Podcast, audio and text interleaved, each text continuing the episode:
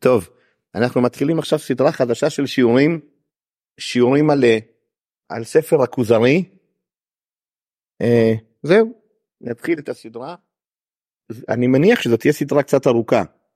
אה, קודם כל, מי כתב את הספר ומה זה הספר הזה? מי שכתב את הספר זה היה רבי יהודה הלוי. רבי יהודה הלוי הוא אחד הראשונים, חי נגיד לפני 800 שנה, 900 שנה, נגיד, חי בספרד, הוא היה אדם, אה, אחד הראשונים, אז היה כמובן אדם חכם מאוד. חוץ מזה הוא היה רופא, והוא היה עשיר, והוא היה משורר, והוא היה מפורסם מאוד בספרד, הוא היה חבר של אבן עזרא, הוא כתב בין היתר כל מיני שירים, יש שירים שהוא כתב, פיוטים, שאנחנו אה, אומרים אותם בקינות של תשעה באב, ציון לא תשאלי לשלום אסירייך, את זה הוא כתב, והוא כתב את הספר הזה שקוראים לו הכוזרי, בספר הזה הוא, מה? מה? לא, זה חשוב משהו באמצע השיעור? אה, יש כוזרי מאחוריי ברוסית, נכון, מצוין. אה, אה, בספר הזה הוא מברר את אה, יסודות האמונה. עכשיו כשהוא כתב את הספר מה הוא עשה? הוא לקח סיפור שאולי הוא אמיתי ואולי הוא לא אמיתי והוא כתב את הספר כאילו שהוא מתבסס על הסיפור הזה. עכשיו מה זה הסיפור? הסיפור שהייתה ממלכה שקראו לה כוזר, ממלכת כוזר. והמלך של הממלכה הזאת התגייר. ולפני שהוא התגייר הוא התלבט איזה דת לבחור.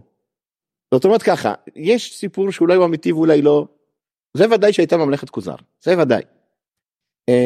כמעט בטוח 90 אחוז שחלק לא קטן מהממלכה שם היו יהודים. והם לא היו יהודים שנולדו יהודים אלא יהודים שהתגיירו. ואחוזים גבוהים שבאמת היה שם מלך שהתגייר. עכשיו מכאן הוא מספר סיפור שאולי הוא אמיתי ואולי לא וזה ממש לא חשוב. הוא מספר סיפור על מלך כוזר איך הוא התגייר. הוא מספר שהוא קרא, הוא קרא לפילוסוף ולחכם נוצרי ולחכם מוסלמי ושאל אותם כל אחד על האמונות שלו וכל אחד ענה מה שענה והתשובות לא מצאו חן בעיניו ואז הוא שאל חכם יהודי על האמונות שלו והחכם היהודי ענה לו וזה הספר. הספר זה השיחות שמלך כוזר מנהל עם החכם היהודי. בהתחלה ממש בהתחלה יש בקצרה את מה שהוא דיבר עם הפילוסוף עם הנוצרי ועם המוסלמי ואחר כך כל הספר מדבר על מה שהוא מדבר עם החכם היהודי. ודרך השיחה הזאת רבי יהודה הלוי בעצם מספר ומסביר ומבאר את היסודות האמונה שלנו ומתרץ כל מיני קושיות באמונה וזה דרך הסיפור הזה. עכשיו סתם כדי לדעת ממלכת כוזר איפ, איפה היא הייתה ומתי היא הייתה. אז ממלכת כוזר היא התקיימה בערך 400 שנה כן אני לא היסטוריון אני קצת קראתי ראיתי היום כל אחד יכול לקרוא את הדברים שאני קראתי זה לא בעיה. ממלכת כוזר התקיימה בערך 400 שנה לפני בערך לפני אלף שנה. זאת אומרת נניח מלפני 1300 שנה עד לפני 900 שנה. נגיד 400 שנים האלה. איפה היא התקיימה? איפה היא הייתה? אז היא הייתה באזורים שהיום הם גרוזיה ואזרבייג'אן וקצת אוקראינה טיפה רוסיה אולי גם קצת גם קצת פרס. כן באזורים האלה שבין אסיה לאפריקה בין סליחה בין אסיה לאירופה בסדר? באזורים האלה. האם קרים גם הייתה חלק מממלכת כוזר או לא? אולי כן, אולי לא. בסדר? תלוי באיזה תקופות. זה פחות או יותר האזורים האלה.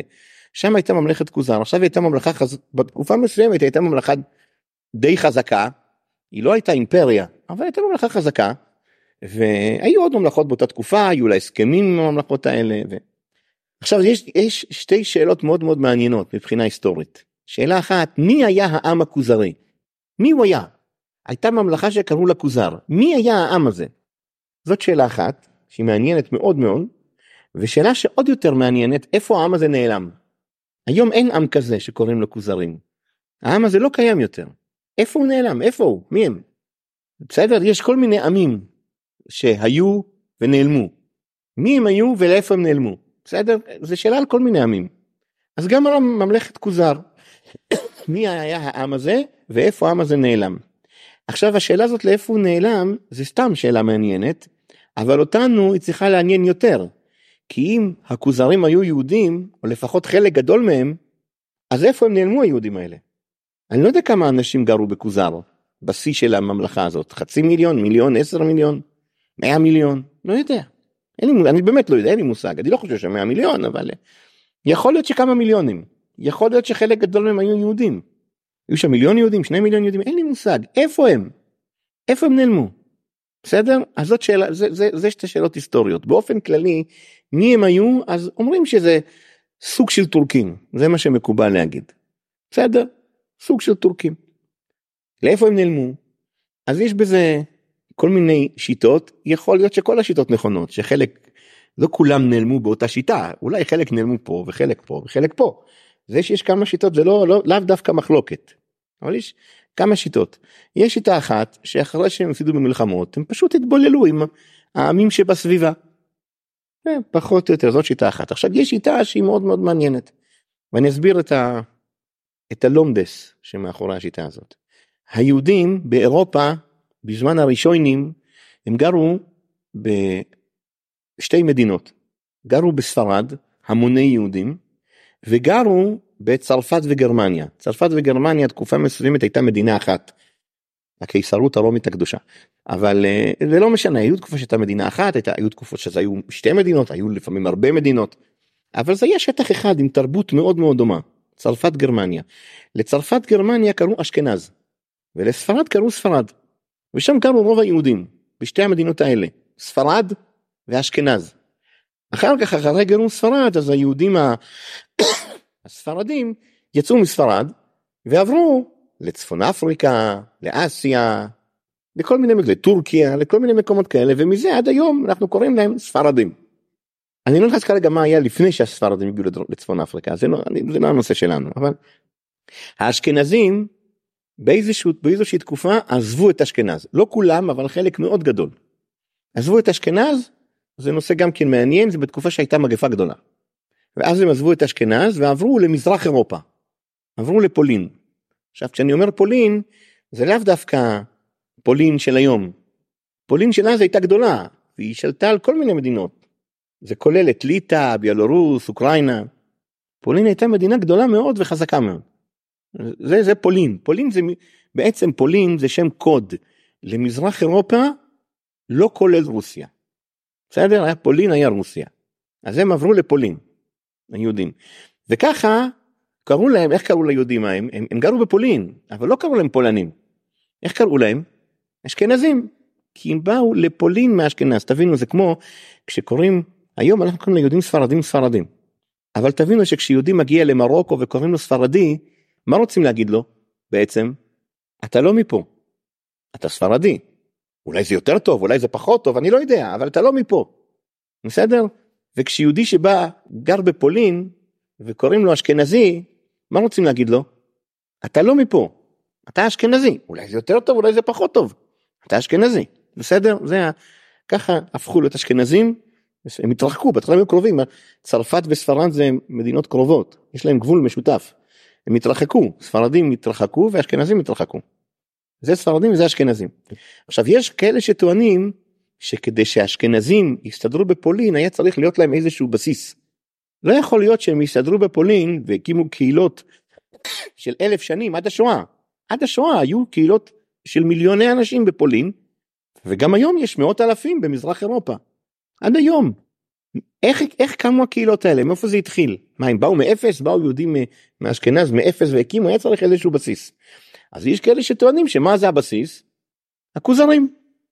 הכוזרים שאחרי שהם הפסידו במלחמה ופירקו את המדינה שלהם אז הם גם כן הסתובבו בכל מיני מקומות בפולין וכשאני אומר פולין אני מתכוון אוקראינה ביולרוס וזה והם היו הבסיס שעליהם באו האשכנזים מאשכנז והקימו את הקהילות האשכנזיות. והבסיס שלהם זה כוזרים. עכשיו, יש כאלה שטוענים את זה ויש כאלה שטוענים שזה לא נכון. והטענות האלה היו עליהם ויכוחים לא קטנים לפני 100 שנה, 200 שנה. ולוויכוחים האלה יש נפקא מינות פוליטיות. זה לא סתם ויכוחים. הוויכוחים האלה הם ויכוחים עם, עם, עם קונוטציות פוליטיות. למה? כי איך להתייחס אל היהודים שגרים ברוסיה? אתם, אתם אשכנזים שאתם בכלל לא שייכים לרוסיה וצריך להעיף אתכם? או אתם, הבסיס שלכם זה פה, אתם, אתם כוזרים. זה הבית שלנו. איך להתייחס אליהם, בסדר? אז היום אף אחד לא חושב על זה ותחת זה לא מעניין. אבל פעם אנשים התעניינו בכאלה שאלות. בסדר? זה סתם, כל זה דרך אגב על כוזר וממלכת כוזר וזה, אבל כל זה היה בסיס שאיתו רבי יהודה הלוי סיפר סיפור. בסדר? זה ה... עכשיו הסיפור מספר כך. מלך כוזר חלם חלום. מלך כוזר רצה להיות טוב. רצה להיות בן אדם טוב. והוא חלם חלום, ובחלום בא אליו מלאך, והמלאך אמר לו, כוונתך רצויה, אך מעשיך אינם רצויים.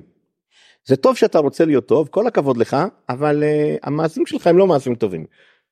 הוא חלם את החלום הזה פעם ופעמיים ושלוש, הוא חלם את החלום הזה הרבה פעמים, אז הוא הבין שהוא צריך uh, לבדוק מה זה המעשים הרצויים.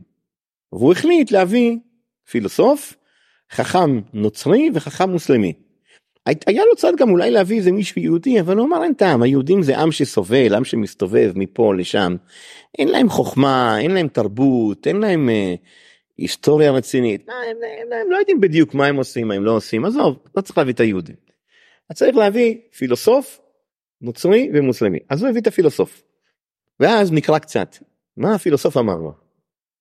עכשיו סתם אני רוצה לספר לכם כפי שאתה אמרת וטוב אמרת יש פה את כוזרי בתרגום לרוסית. הספר הזה את, את, את, את הכוזרי לא כתבו ב, בעברית רבי יהודה לוין אמ, כתב אותו אני חושב בערבית ככה אני חושב כן בערבית הוא כתב אותו בערבית עכשיו מי שתרגם אותו לעברית היה בן אדם שקראו לו הרב יהודה אבן תיבון אבל הוא, הוא תרגם את זה בעברית כזאת שמאוד מאוד קשה להבין אותה. ממש קשה להבין אותה. אולי אני, אני אפילו לא מנסה כבר אבל אני אולי אקרא לכם את ההתחלה. שאול שאלו אותי על מה שיש איתי מן הטענות והתשובות על החולקים עלינו מן הפילוסופים ואנשי התורות ועל המינים החולקים על המון ישראל. זה התרגום של אבן תיבון. לפני לא יודע כמה שנים כמה עשרות שנים הגיע יהודי אחד שקראו לו הרב מרדכי גניזי והוא תרגם את התרגום של אבן תיבון לעברית מודרנית. בסדר? אז אני, אני קורא מהתרגום הזה. כן, זה מתורגם מעברית לעברית. בסדר? יש מתרגמים כאלה. מתרגמים מעברית לעברית. אז מה שקראתי קודם, שאלו אותי מה יש לי להשיב נגד הפילוסופים החולקים על אמונתנו, וכנגד דברי אנשי הדתות השונות, והקראים המכחישים את מסורת התורה שבעל פה. זה מובן המשפט הזה? כן, המשפט הקודם היה שאול שאלו אותי על מה שיש איתי מן הטענות והתשובות על החולקים עלינו, מן הפילוסופים ואנשי התורות, ועל המינים על חוקים על המון ישראל. מה זה אנשי התורות? מה זה מינים? טוב. אז הוא אומר, הפילוסופים והקראים. עכשיו אני מבין. אוקיי, אז אני חוזר. אז אה, אה, הוא, הוא, הוא קרא לפילוסוף. אני לא אקרא את כל מה, שה... מה שהוא אומר, נקרא קצת. הוא אומר ככה, הפילוסוף, ענה לו הפילוסוף, דעתנו היא שהבורא נעלה מכל הרצונות והשאיפות. אין לפניו רצון או שנאה, כי כל שאיפה מורה על חיסרון השואף. אני אסביר, אני, אני, אני אתכן להסביר. אומר, אומר הפילוסוף כך, אנחנו מאמינים שיש בורא. אנחנו מאמינים, יש בורא. העולם לא נברא לבד, יש בורא. אבל הבורא הזה הוא כל כך גדול והוא מושלם. ואם הוא מושלם, לא יכול להיות שהוא רוצה משהו. לא יכול להיות. כי אם הוא רוצה משהו זאת אומרת שחסר לו משהו. אבל אם הוא מושלם לא חסר לו כלום. אם לא חסר לו כלום אז הוא לא רוצה שום דבר. יש לו. כבר יש לו. וכמו שהוא לא רוצה שום דבר, גם שום דבר לא ירגיז אותו. כי הוא מושלם. את מי אפשר להרגיז? בן אדם שהוא לא מושלם אפשר להרגיז אותו. אבל הוא כבר מושלם. לא חסר לו כלום. אי אפשר לקחת ממנו משהו. אי אפשר להעליב אותו. אי אפשר להרגיז אותו. הוא לא מתרגז משום דבר. הוא גם לא שמח משום דבר. כי את הכל כבר יש לו. מתי אדם שמח? כשלא היה לו והוא קיבל משהו חדש. איזה יופי. זכית במיליון שקל. אתה תהיה שמח. אבל אם יש לך כבר 100 מיליארד, 500 מיליארד, תקבל מיליון שקל, אתה אפילו לא תדע מזה. עכשיו אם יש לך את הכל, הכל, אז אז אומר הקדוש ברוך הוא הוא לא רוצה שום דבר הוא לא שמח משום דבר הוא לא כועס על שום דבר. במילים אחרות אנחנו כך אומר הפילוסוף כן אנחנו לא מעניינים אותו. אנחנו לא מעניינים אותו. הוא לא חושב עלינו. אנחנו לא מעניינים אותו. אנחנו עושים כך אנחנו עושים אחרת. גם לא היה חסר לו שום דבר לפני שנבראנו. לא שום דבר. זה נכון שכתוצאה מההימצאות שלו אנחנו נוצרנו. אנחנו נוצרנו כתוצאה ממנו, אבל זה לא כי הוא החליט יום אחד ליצור אותנו. כי אם הוא החליט יום אחד ליצור אותנו זה אומר שקודם הוא לא החליט. אז היום הוא חשב ככה ומחר הוא חושב אחרת אבל הקדוש ברוך הוא מושלם אז אין שום שינ... אין אצלו שינויים. תמיד הוא מושלם. בסדר? זה, זה מובן הדרך מחשבה הזאת. האמת היא שאני לא פילוסוף. והמעט שאני יודע בפילוסופיה זה ממה שאני למדתי את מורה נבוכים לא את, אה, את הכוזרי. מורה נבוכים זה ספר שעוסק בפילוסופיה וגם הוא מצטט ספרים של אפלטון של אריסטו ושל אה, עוד כל מיני פילוסופים ערבים. הוא מצטט. אני לא מבין אבל אני מספר לכם מה שכתוב פה.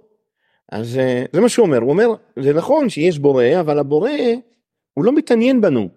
והוא לא, ועד, עד כדי כך לא מתעניין בנו שהוא לא ברא אותנו בצורה מכוונת מתוך מטרה לא זה נוצר ממנו אבל לא שהוא רצה את זה. אנחנו לא מעניינים אותו. הוא ממשיך ואומר הפילוסוף איך צריך להתנהג חשוב מאוד מאוד מאוד להתנהג בחוכמה. להתנהג לפי השכל. זה מאוד מאוד חשוב. וחלק מההתנהגות לפי השכל זה שיהיו לך מידות טובות. צריך מידות טובות. כי מי שאין לו מידות טובות לא יכול להתנהג לפי השכל. אם אין לו מידות טובות אז הוא כועס, הוא נעלב, הוא מקנא, הוא... יש לו תאוות, זה שולט עליו. השכל לא שולט על מישהו שיש לו מידות טובות. סליחה, ש... שיש לו מידות רעות. כן, השכל לא שולט עליו. אז אדם צריך שיהיה לו מידות טובות כדי שהוא יוכל להתנהג לפי השכל. וזה מה, ש... זה, זה מה שחשוב מאוד. איך תעשה את זה? זה לא משנה. לא אכפת לנו בכלל. אתה רוצה להיות יהודי? תהיה יהודי. אתה רוצה להיות נוצרי? תהיה נוצרי. אתה רוצה להיות מוסלמי? אתה רוצה להיות בודהיסטי? תהיה מה שאתה רוצה. אומר הפילוסוף. זה לא מעניין אותנו. כל הדתות אותו דבר. ואתה גם יכול להיות בלי דת. זה לא מעניין אותנו. העיקר שתתנהג לפי השכל, ובזה טמון שיהיו לך מידות טובות. זה מה שחשוב. אז זהו, כך הוא ענה לשאלות של מלך כוזר. אז מלך כוזר אמר לו, תשמע, מה שאתה אומר זה מעניין, ויש בזה אפילו היגיון, ואני לא יודע אם אני יכול להתווכח עם ההיגיון שלך, אבל אין לי ספק שאתה טועה. הוא אומר לו, למה? אז הוא עונה לו, כי אני חלמתי שהמלאך אמר לי, כוונתך רצויה ומעשיך אינם רצויים. זאת אומרת שיש מעשים מסוימים שצריך לעשות, מעשים אחרים שלא צריך לעשות. אז לכן אתה לא יכול לעזור לי, אני לא סומך עליך. אתה אמרת שלא משנה איזה מעשים לעשות. אבל אני יודע שזה לא נכון, כי מלאך אמר לי ככה, אני חלמתי את זה בעצמי, אז אני לא סומך עליך. לחצו ידיים והפילוסוף הלך. עכשיו אני עוצר פה. סיפור יפה. סיפור מאוד יפה. בשביל מי? בשביל מלך כוזר. אבל אני לא חלמתי, אולי זה מה שאתה רוצה לשאול, אבל אני לא חלמתי את החלום הזה. אני לא חלמתי את החלום הזה. לא חלמתי שום דבר. אז מה אני יכול לענות נגד הפילוסוף? מלך כוזר יכול לענות לפילוסוף. כי הוא חלם את החלום, ברור לו שצריך לעשות מעשים מסוימים והוא לא יודע איזה. אבל לי לא ברור כלום, אני לא חלמתי שום דבר. בכל אופן לא חלמתי על מלאכים בתקופה האחרונה. חלמתי על דברים אחרים. לא חלמתי על מלאכים, מה מלאכים? בסדר מובן? התשובה של הכוזרי, הרי מה המטרה של רבי יהודה הלוי? הוא לא מספר לנו סיפור על מלך כוזר, זאת לא המטרה. המטרה שלו היא שאנחנו נדע את יסודות האמונה, נדע מה לענות על שאלות, יהיו לנו תשובות בעצמנו. הוא מתחיל עם הפילוסוף, אתה התחלת, ואני בחיים לא חשבתי על הדברים האלה, לולא זה שהייתי קורא אותם. לא הייתי חושב על כל זה. אתה התחלת, אתה הבאת את הפילוסוף. אז מה אתה עונה? מה אתה עונה על מה שאומר הפילוסוף? מה אתה אומר? אתה אומר, אני חלמתי, אני יודע שאתה לא בסדר, אתה חלמת, אני לא חלמתי. בסדר? טוב. אז על זה נדבר בעזרת השם בשיעורים הבאים. עכשיו הוא לא עונה על זה. הוא מספר מה ענה מלך כוזר. אחר כך הוא הביא את הנוצרי. חכם נוצרי. אמ, אתם יודעים מה, אני מציע שנעצור פה. בעזרת השם בשיעור הבא נדבר על החכם הנוצרי. מה הוא אמר, מה ענה לו המלך כוזר, אחר כך לחכם המוסלמי, מה הוא אמר, מה ענה לו מלך כוזר, אחר כך נתחיל עם אבל. עכשיו נעצור פה. אה, זהו, זה השיעור להיום. תודה.